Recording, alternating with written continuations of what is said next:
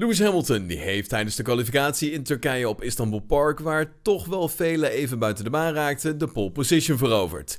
De tweede plek is voor zijn teamgenoot Valtteri Bottas en daarachter vinden we Max Verstappen. Ja, Lewis Hamilton die pakt pole position, maar eigenlijk toch ook weer niet, want hij wordt morgen uiteindelijk voor de race weer 10 plekken teruggezet vanwege het wisselen van een onderdeel in zijn motor.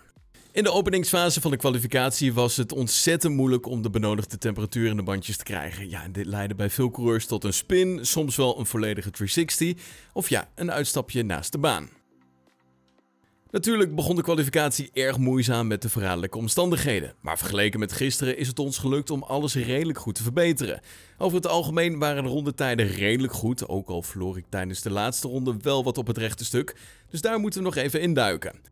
Wat betreft de kansen op zondagmiddag is Verstappen duidelijk. Ik denk dat het wat beter moet zijn. Laten we afwachten hoe competitief we morgen zullen zijn tijdens de race. De bandendegradatie speelt hier een grote rol, maar ja, nu is het tenminste een leuke baan om op te rijden. We komen er morgen wel achter. We gaan ons best doen om morgen zoveel mogelijk punten te verzamelen voor het kampioenschap. Al dus de Rebel-coureur. Groot compliment ook voor Mick Schumacher, die Q1 doorkwam met wel een hele mooie tijd. Hij mag morgen vanaf de 14e plek starten. En Perez was wederom, ja, ik vind het toch wel een beetje stom om te zeggen, maar wel weer teleurstellend. Hij balde er zelf ook wel flink van. Uh, voor de camera's van Ziggo Sport zei hij wel dat hij echt wil terugvechten om die punten te kunnen pakken. In alle drie de kwalificatiesessies was Hamilton toch wel weer het snelste.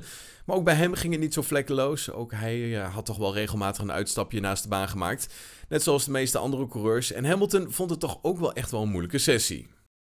Het was een verraderlijke sessie en ik kon maar moeilijk de banden op temperatuur krijgen. Het team heeft wel bovenop gezeten en dat zorgde voor een goed resultaat. Morgen zal het moeilijk worden, maar ik ga weer alles geven.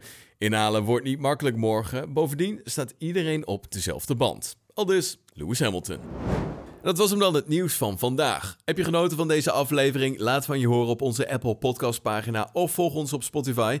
Zie ik je morgen weer. Tot dan. Hoi.